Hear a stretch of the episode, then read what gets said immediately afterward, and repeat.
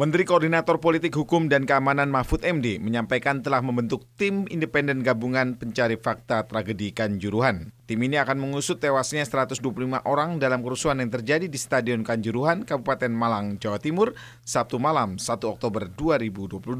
Tim gabungan yang beranggotakan berbagai organisasi dan kementerian ini akan bekerja paling lama satu bulan. Direktur Lembaga Kajian Strategis Kepolisian Indonesia atau LEMKAPI yang juga mantan Kompolnas Edi Hasibuan merasa prihatin akan kasus meninggalnya 125 supporter di Stadion Kanjuruhan, Jawa Timur. Situasi saat itu sangat situasional karena ada keributan di stadion dan polisi sudah banyak melakukan pemeriksaan. Peristiwa ini sebagai pembelajaran di dalam pengamanan sepak bola. Tim gabungan yang dibuat pastinya akan menemukan bukan hanya pelanggaran etik, tapi juga hingga pidana. Uh, tentu saja saya kira kita prihatin semua. Kita sudah selain yang menyampaikan terus berduka cita ya atas kejadian yang menyebabkan sampai 100 lebih ya masyarakat meninggal. Dan kita mengharapkan ya ini ada merupakan kasus terakhir karena memang ini banyak sekali mendapatkan sorotan internasional. Tentu saja memang ini kan memang saat ini masih dalam penyidikan kepolisian. Dan kalau kita lihat hari ini sudah banyak sekali orang-orang yang diperiksa termasuk di dalam.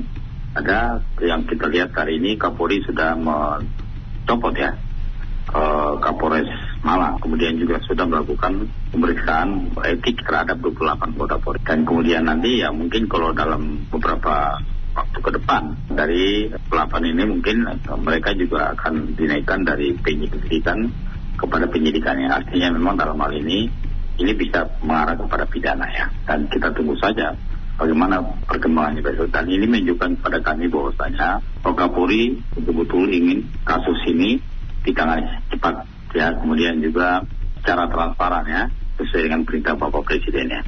Saya kira itu yang saat ini dilakukan oleh Bapak Kapolri bersama timnya. Sebetulnya kalau kita lihat kemarin memang kan sangat situasional ya.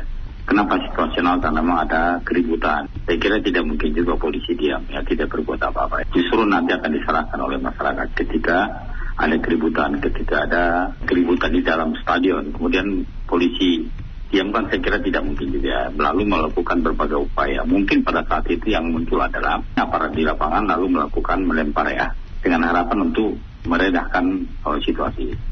Namun demikian mungkin ya dampak daripada pelemparan ini mungkin ada juga ya, karena faktor angin mungkin ya sehingga bisa membuat para supporter kena sasaran daripada asap gas air mata tadi ya. Saya kira memang ini bagaimanapun juga ya. Kalau saat ini sudah terus dilakukan pendalaman oleh polisian. Termasuk juga saya kira Kapolri akan mengambil tindakan pada anggota yang melakukan kesalahan dalam prosedur ya dan kira kira saat ini tim khusus yang dibentuk oleh Kapolri terus melakukan pendalaman-pendalaman dan terus melakukan pemeriksaan untuk memastikan siapa-siapa yang terkait yang terlibat hingga menyebabkan masyarakat banyak yang menjadi korbannya.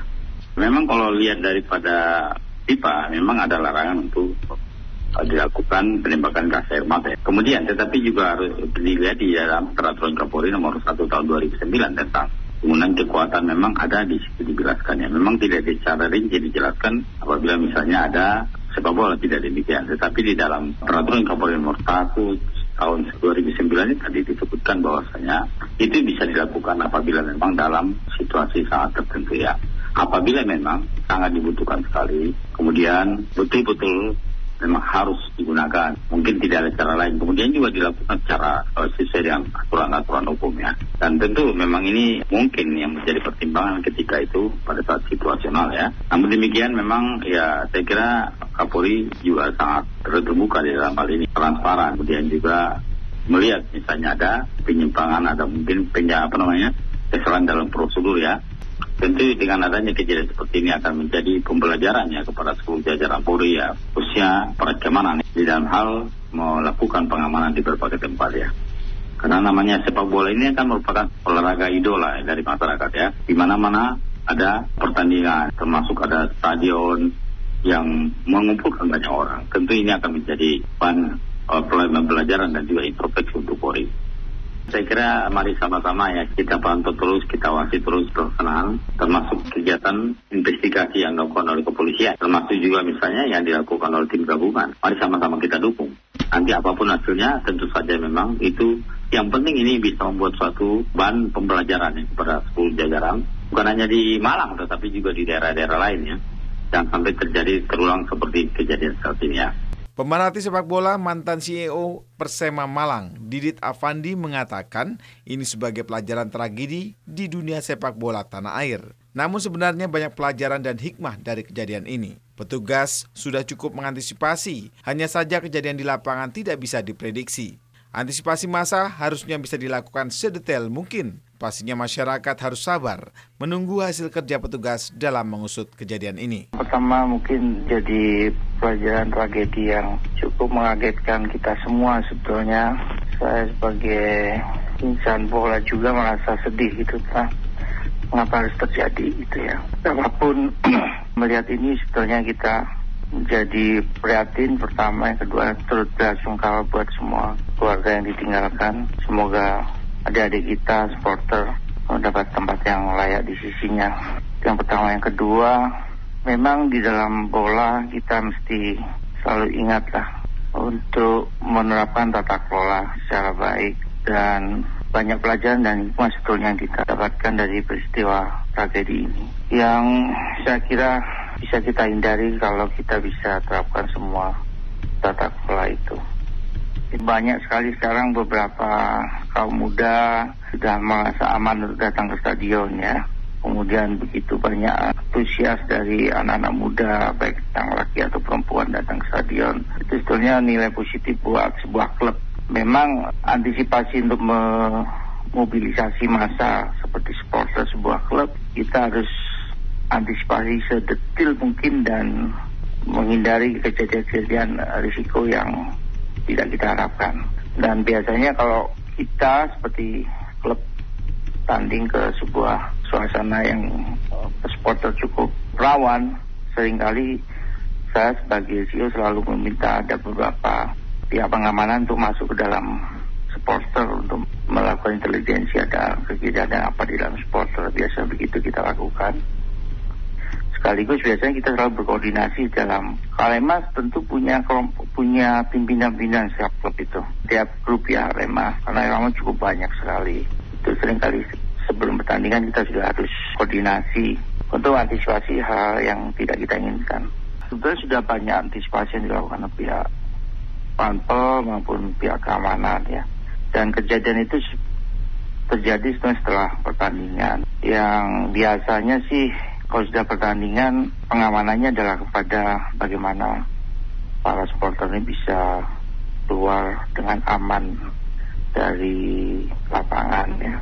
Dan kemarin saya lihat di beberapa video sebetulnya pemain pun dari Persebaya sudah diantisipasi untuk segera dievakuasi dari lapangan dan cukup baik sebetulnya pengamanan dari sisi pemain ya. Dan yang tertinggal di lapangan sebetulnya akan tinggal pemain-pemain Rema saja ya yang mungkin di videonya adalah masuknya beberapa supporter ke lapangan. Dan biasanya sih kalau saya sebagai yang saya tahu selama ini supporter masuk dan ingin bertemu pemain biasa ya. Tapi kejadiannya kan ini karena nilai yang diperoleh tidak seperti yang diharapkan. Itu aja yang mungkin ada kejadian-kejadian yang memicu ya. Dan saya kira itu kan karena ada kekalahan kemudian dipicu dengan beberapa kejadian yang seharusnya tidak terjadi sebetulnya. Menghadapi supporter tuh kita harus tahu lah seperti apa psikologi supporter ketika timnya kalah. Sebagai masyarakat bola, pecinta bola, ya kita cukup prihatin, kita berharap kejadian ini tidak terulang lagi di kemudian hari dan kita tunggu saja tim untuk bisa bekerja dan tentu partisipasi masyarakat juga dibutuhkan terutama masyarakat di sekitar stadion ataupun masyarakat yang juga sempat hadir di stadion untuk membantu tim untuk bisa mendapatkan sebuah kesimpulan yang utuh dan bisa mengambil sebuah keputusan. Itu sih. Sekali lagi mungkin masyarakat untuk tenang saja. Kita tidak perlu sampai harus terbawa emosi karena pasti banyak nih yang masih emosi. Kita tunggu saja dari pemerintah untuk bekerja. Edia Sibuan dan Didit Avandi sama-sama prihatin atas kejadian yang menelan korban jiwa cukup banyak ini. Kejadian ini bisa sebagai evaluasi dan pembelajaran ke depan, terutama terkait pengamanan supporter. Pastinya, sambil menunggu hasil kerja tim dari kepolisian dan tim khusus dari Menko Polhukam, masyarakat diminta tenang dan jangan emosi berlebihan. Kasus ini jelas terlihat bukan hanya ada pelanggaran kode etik, tetapi juga pelanggaran pidana.